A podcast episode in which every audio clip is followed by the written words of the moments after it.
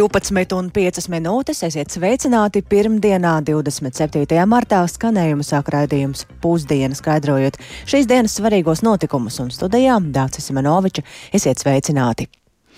Politiķu dienas kārtībā atkal ir ar sabiedrisko mediju apvienošanu saistītie jautājumi. To regulējošo likumu galīgajā lasījumā steidzamības kārtā ir paredzēts skatīt šonadēļ. Vienlaikus Nacionālās apvienības pārstāvi ir iesnieguši vairākus priekšlikumus par satura Krievu valodā ierobežošanu. Un par tiem vairāk pastāstīs kolēģis Jānis Kīncis, kurš šobrīd pievienojas tiešraidē. Sveiks, Jāni! Sveika, Dārts, sveicināti klausītāji. Jā, sabiedrisko elektronisko plašsaziņas līdzekļu un to pārvaldības likuma grozījuma mērķis ir noteikt kārtību par Latvijas radio un Latvijas televīzijas apvienošanu, un šī likuma projekta steidzamība sabiedrisko elektronisko plašsaziņas līdzekļu padomu ir pamatojusi ar to, ka atbilstoši pieredzē citās valstīs sabiedrisko mēdīju apvienošanas procesam ar to saistītajām juridiskajām procedūrām ir nepieciešami apmēram 9 mēneši. Vienlaikus atsevišķā darba grupā plānots vēl līdz Jāņiem izlemt par iespējamām sabiedrisko mediju finansēšanas kārtības izmaiņām. Un finansu, finanšu ministrija ir iebildusi, turpina iebilst pret ieceri sabiedrisko mediju budžetu plānot citādi kā šobrīd, to saistot ar konkrētu nodokļu ieņēmumiem. Tomēr uz galīgo lasījumu Nacionālās apvienības pārstāvji ir iesnieguši priekšlikumus, kuru pieņemšana ietekmētu pašu mēdīju darbu mazākumu tautību valodās. Tātad eh, kultūras ministra Naura Puntuļa priekšlikums paredz no 2026. gada ierobežot sabiedrisko mediju saturu Krievu valodā. No šāds priekšlikums eh, balstīts uz valdības rīkojumu par valsts strateģisko komunikāciju un informatīvās telpas drošību. Citējot šo dokumentu, īstermiņā svarīgi ir turpināt nodrošināt alternatīvu Krievijas propagandas kanāliem un piedāvāt kvalitatīvu saturu mazākumtautībām, bet vienlaikus nepalielinot saturu mazākumtautību valodās par valsts budžeta līdzekļiem. Tālākā termiņā jāveicina šīs sabiedrības, grupa, iekļau, šīs sabiedrības grupas iekļaušanās Eiropas mediju un informatīvajā telpā, palielinot saturu latviešu valodā. Tādējādi Puntuļu ieskatā ir pamats no 2026. gada šai normai stāties spēkā un ierobežot sabiedrisko mediju satura veidošanu mazākumu tautību valodās par valsts budžeta līdzekļiem. Vienlaikus valodas lietojumam sabiedriskajos medijos pievērsies arī Nacionālās apvienības frakcijas deputāts Artūrs Butāns. Viņš rosina noteikt, ka satura valodās, kas nav Eiropas Savienības dalību valstu un tās kandidātu valstu oficiālās valodas, jau no nākamā gada veidotu tulkojot no sabiedrisko mediju oriģināla satura valsts valodā. No deputāta priekšlikumiem izriet, ka no aiznākamā gada sabiedriskajos medijos neveidot satura mazākuma tautību valodās. Mm, jāpiebilst, ka šādi priekšlikumi e, lielā mērā saskan arī ar punktu valdības deklarācijā, kurā teikts, e, citēju, veidosim tādu mediju politiku un likumdošanas vidi, kas atbalsta saturu valsts valodā un nodrošināsim, ka turpmāk papildu satura Krievu valodā atbalstīšana no valsts puses nenotiks. Um, šodien sabiedrisko mediju, li, sabiedrisko mediju likumam pirms galīgā lasījuma koalīcijas politiķi pievēršas gan darba grupas sēdē, kas notiek pašlaik, gan arī vēlāk pēcpusdienā koalīcijas sadarbības padomas sēdē. Un no tajā lemtā tad arī varētu būt lielāka skaidrība par likuma projektu tālāko virzību un arī, teiksim, um, izvērtējums par šiem priekšlikumiem. Un par to turpināsim vēstīt programmā pēcpusdiena. Savukārt minētos priekšlikumus vismaz pašlaik plānots, ka Saimas cilvēktiesību un sabiedrisko lietu komisija vērtēs trešdien. Dace. Paldies Jānim Kincim par šo skaidrojumu un noteikti turpināsim sekot līdzi, kā tas virzīsies uz priekšu. Tikmēr sabiedrisko elektronisko plašsaziņas līdzekļu padome tos grozījumus sabiedrisko elektronisko plašsaziņas līdzekļu un to pārvaldības likumā, kas neskar mediju apvienošanu, kas attiecas arī uz, piemēram, tikko minēto rosinājumu nefinansēt sabiedrisko mediju saturu Krievu valodā, aicinās šobrīd neatbalstīt. To šorīt programmā Labrīt kolēģei Dārai Zīlei uzsvēra padomas priekšsēdētājs Jānis. Siksnis, paužot pārsteigumu par iesniegtajiem priekšlikumiem. Un vienlaikus arī Siksnis cer, ka saima likuma izmaiņas, kas vajadzīgas, lai īstenot iecer no nākamā gada juridiski apvienot divus sabiedriskos medijus, pieņems jau šonadēļ, un viņam nav šaubu, ka nauda apvienošanai būšot. Nu, mums šobrīd ir pamats uzskatīt, ka, ja ceturtdiena likums tiek pieņemts, tad arī šī nauda mums tiks piešķirta. Manuprāt, mums ir izdevies pārliecināt lēmumu pieņēmējus, ka tas ir ļoti svarīgi, ka mums tiešām šogad ir vajadzīgs papildu finansējums, lai apvienošana notiktu veiksmīgi, un es ļoti ceru, ka tā arī būs. Tad nemaz netiek izskatīts tāds variants, ka naudas nebūs. Nu, šobrīd mēs par to tiešām neesam domājuši. Mūsuprāt, mēs ejam pēc tā plāna, kādu bijām to iecerējuši. Bet kas tieši no 1. janvāra mainītos? Ja, tur jau tā lieta, ka pašiem mediju darbiniekiem un arī klausītājiem jau uzreiz nekas vairāk, jā, tieši. nemainās, bet šeit ir divi galvenie ieguvumi. Nu, tā ļoti, ļoti nopaļojot. Pirmkārt, auditorijai tas ir ieguvums un attīstība digitālajā jomā, kas šobrīd sabiedriskiem mēdījiem un visiem mēdījiem ir ļoti vajadzīgs. Ir skaidrs, ka cilvēki arvien mazāk klausās tradicionālo radio, arvien mazāk skatās tradicionālo televīziju, arvien vairāk visu patērē savās viedierīcēs, internetā, citās multimediju platformās un tieši šajos rādītājos Latvijas sabiedriskie mēdīji šobrīd atpaliek no Eiropas vidējā un arī no kaimiņu valstīm. Tas ir galvenais ieguvums auditorijai, kas arvien vairāk patērē saturu šādā veidā, un apvienojot resursus primārais, kas ir tīri no struktūrālā viedokļa, ir jāapvieno, kur ir jākoncentrē resursi. Tā ir tieši digitālā attīstība. Pašiem medijiem svarīgi, ka šī ir iespēja sakārtot beidzot daudzus pārvaldības jautājumus, daudzus finansiālā nodrošinājuma, tā skaitā algu jautājumus. Ja ir visu laiku bijusi diskusija teiksim, par tā pašām algām, radio algas atpaliek no televīzijas, Manuprāt, tikai beidzot izveidojot vienotu uzņēmumu, mēs varam arī normāli risināt šos jautājumus. Tas par apvienošanu, bet eh, līdz ar šiem likuma grozījumiem ir iesniegt arī virkne priekšlikumu, kas raisa nu, bažas un rada arī jautājumus. Un viens no tiem ir eh, kultūras ministrijas priekšlikums, kas paredz atņemt finansējumu sabiedrisko mediju kanāliem Krievu valodā no 2026. gada. Tas nozīmē, ka mums vairs nebūs sabiedrisko mediju Krievu valodā. Šie priekšlikumi mums bija pārsteigums. Ar mums nebija nekas tāds saskaņots, ir arī citi priekšlikumi, kas ir ceturtdien, piekdien iesniegti, ko šonadēļ acīm redzot skatīs arī komisija. Mēs, kā padomu, nosūtīsim savu viedokli jau komisijai, ka aicinām šobrīd neatbalstīt nekādus priekšlikumus, kas būtībā mainītu veidu, kādā strādā abi sabiedriskie mediji. Un šie priekšlikumi, ko jūs minējāt, tieši tādi ir. Šī likuma projekta mērķis ir izdarīt tikai tādus nu, tehniskos labojumus vai precizējumus, lai mēs varētu juridiski izveidot vienu uzņēmumu. Mēs ļoti aicinām nemainīt šobrīd ar šī likuma projekta palīdzību neko, kā strādā šobrīd mediji. Tam ir citi veidi, kā par to diskutēt. Pati kultūras ministrija šobrīd izstrādā mediju politikas pamatnostādnes turpmākajiem gadiem. Šis, piemēram, viens veids, kā var diskutēt par visu ja, mediju vidi. Līdz ar to mēs aicinātu to tā arī darīt un šobrīd koncentrēties uz to, lai tā ātri iet uz priekšu, lai tiek izveidota struktūra, kas ļauj visu uzlabot. Tā sabiedrisko elektronisko plašsaziņas līdzekļu padomes vadītājs Jānis Siksnis. Un mēs turpinām ar citām ziņām um, ārpus Latvijas, proti Izraels prezidents Itshaks Hercogs ir pievienojies aicinājumiem apturēt valsts labējās valdības virzītās tieslietu sistēmas reformas, kuras ir izraisījušas plašus protestus. Vakarnakt Izraels pilsētās izgāja desmitiem tūkstošiem cilvēku, lai protestētu pret premjerministra Benjamina Benjamina Netanjahu lēmumu atlaist aizsardzības ministru Joavu Galantu, kurš arī aicināja apturēt tieslietu reformu. Neraugoties uz protestiem, parlamenta tieslietu komiteja ir apstiprinājusi strīdīgos likumprojektus virzīšanai trešajā galīgajā lasīmā, un tikmēr arotbiedrības ir izsludinājušas ģenerālstreiku. Vairāk stāsta Uldis Česberis. Svētdienas vakarā Izraēlas lielākajās pilsētās izcēlās plašas demonstrācijas pēc tam, kad premjerministrs Benjamins Netanjahu paziņoja, ka ir nolēmis atbrīvot aizsardzības ministru Joavu Galantu. Šādi viņš visticamāk sodīja Galantu par publiskajiem izteikumiem pret tieslietu reformu. Ministrs sestdien brīdināja, ka reforma apdraud nacionālo drošību. Pieaugošā plaisa mūsu sabiedrībā negatīvi atsaucas uz Izraēlas aizsardzības spēkiem un drošības dienestiem. Tas rada skaidru skaidrus tūlītējus un taustāmus draudus valsts drošībai. Es to nepieļaušu. Aizvadītās nakts demonstrācijas lielākoties noritēja mierīgā gaisotnē, taču atsevišķās vietās izcēlās sadursmes starp protestētājiem un policistiem. Likumsargi izmantoja ūdens metējus, lai izgaiņātu protestētājus, kuri izlauzās cauri aizsargu barjerām pie premjera Netanjahu privātās rezidences Jeruzalemē.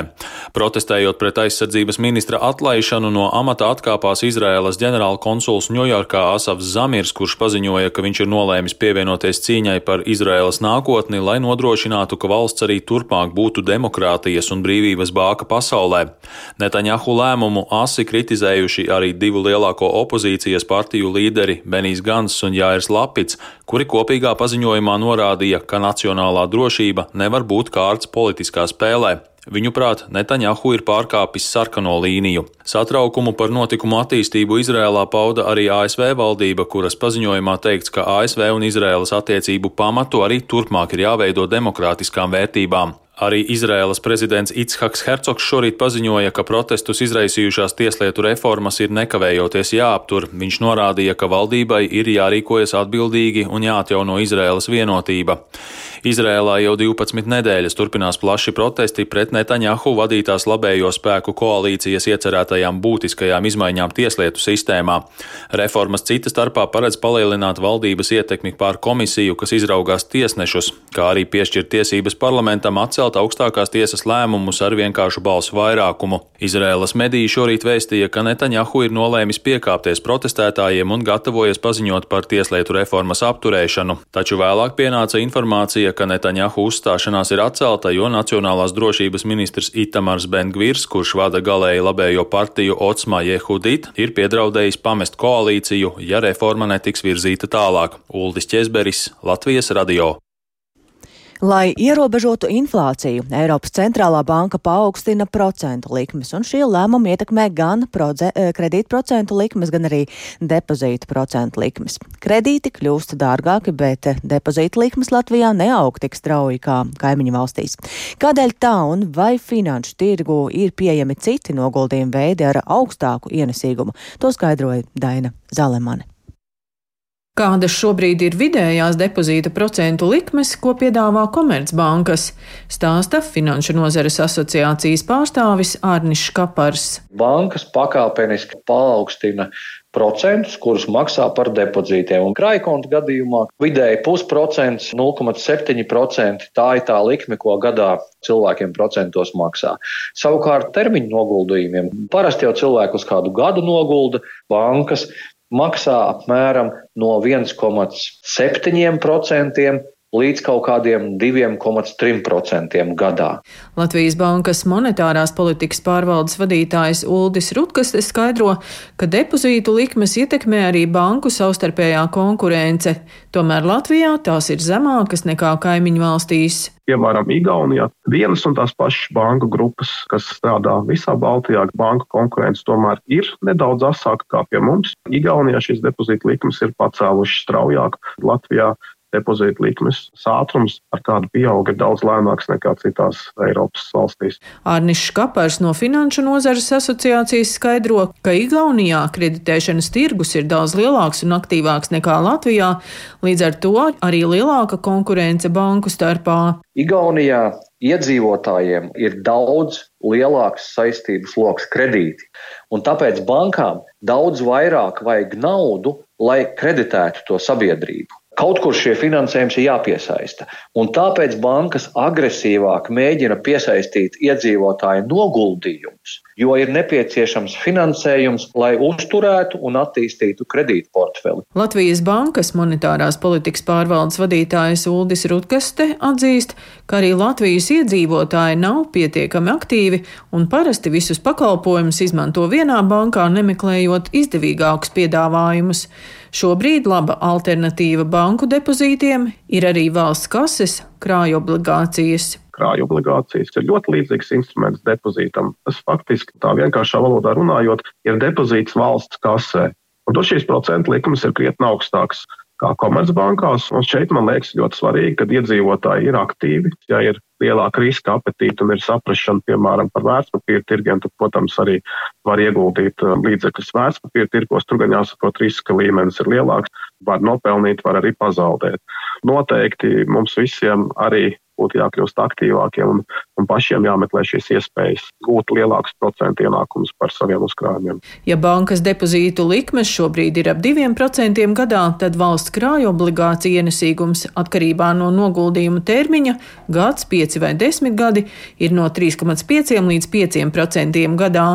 Valsts kases finanšu resursu departamenta direktora vietniece Edīte Tīse stāsta, ja pērn iedzīvotāji krāja obligācijās ieguldīja 14 11,7 miljonus eiro, tad šogad jau divreiz vairāk - 36 miljonus eiro. Krājobligācijas nomināla vērtība ir 1 eiro.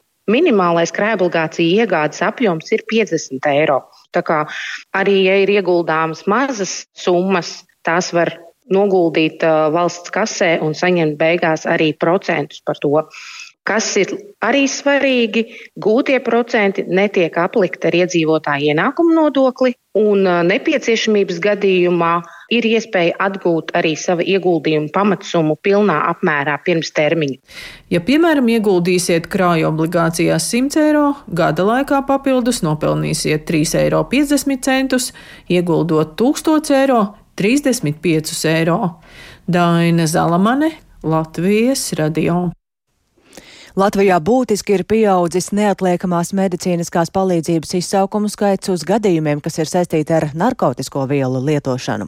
Latvijas tirgū strauji izplatās jaunie sintētiskie opioīdi, kuri ir daudz bīstamāki lietotājiem, un to pārdozēšanai nereti ir letāls iznākums. Vairāk par to skirmāta Balčijūte. Saskaņā ar valsts policijas datiem pagājušajā gadā no sintētisko opioīdu pārdozēšanas nomira 54 cilvēki. Pērn arī būtiski palielinājās neatliekamās medicīniskās palīdzības izsaukumu skaits uz narkotiku vielu lietošanu.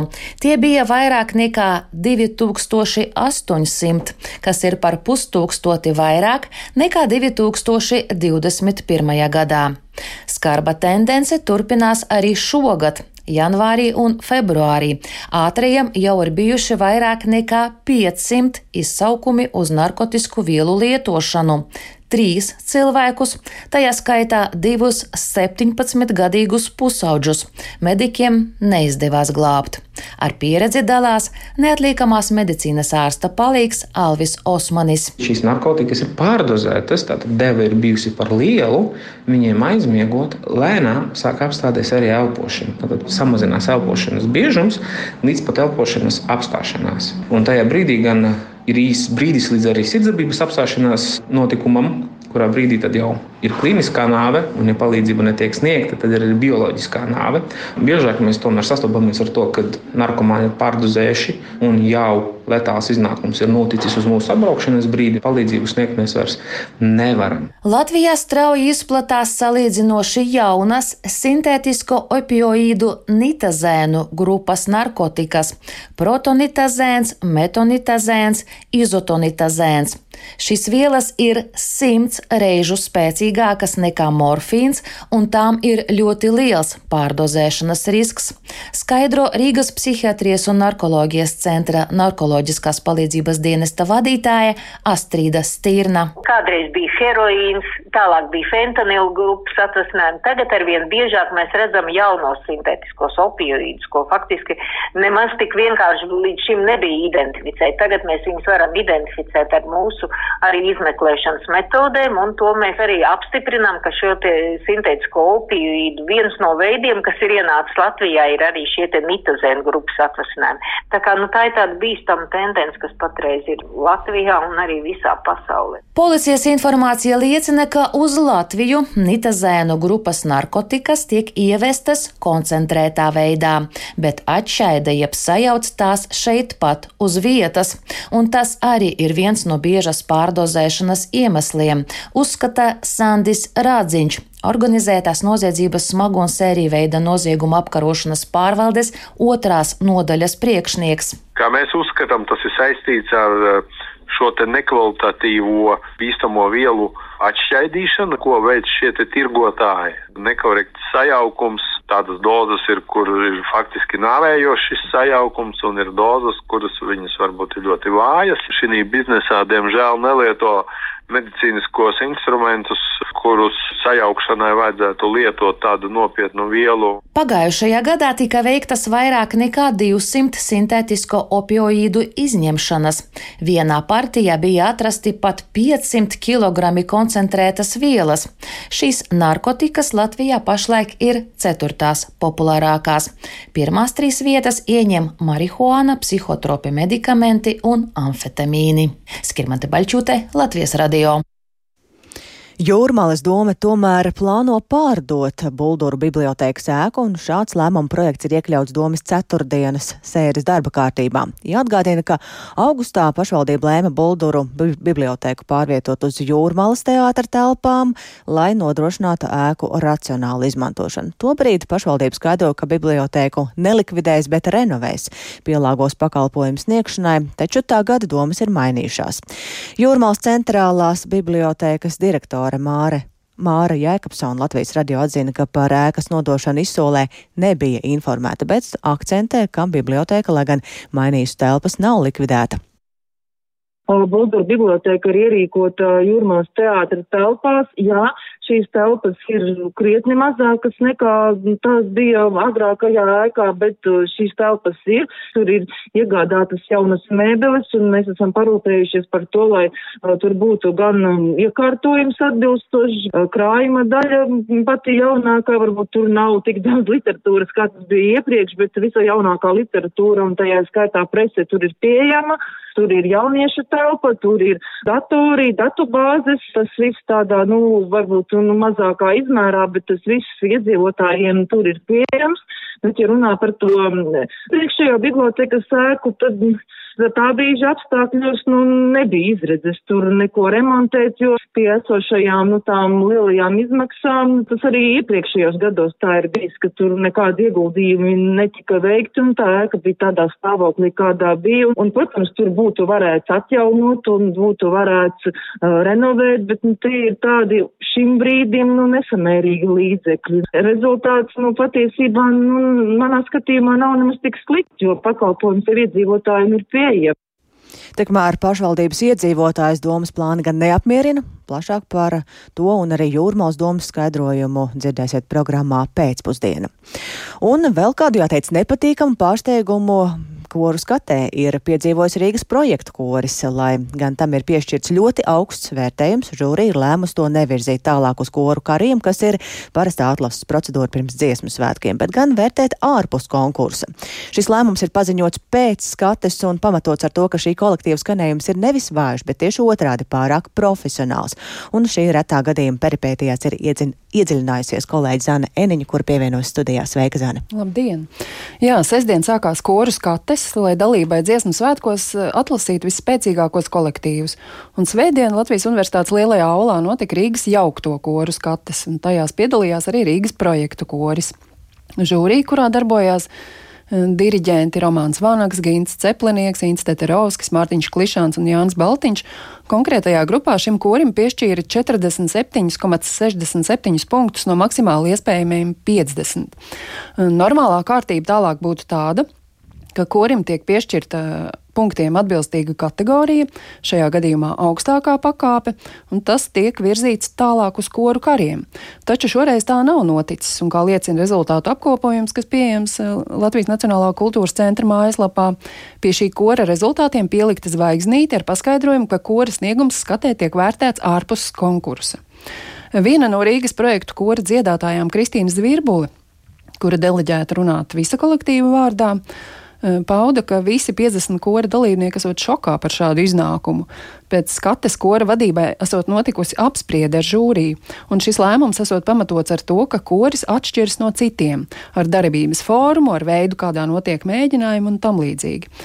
Taču šie argumenti dziedātājiem nešķiet pamatoti. Turpina Kristīna Zvirbula stāsts nav par to, ka mums šausmīgi gribas izcīnīt kādu vietu, bet drīzāk par to, ka mēs esam uh, pilnvērtīgs dziesmu svētku dalībnieks, kāpēc mēs kāds vēlas padarīt mūs par kaut kādu savādāku, īpašāku, tikai tāpēc, ka mēs nemēģinam tā kā citi vai tā kā ir ierasts.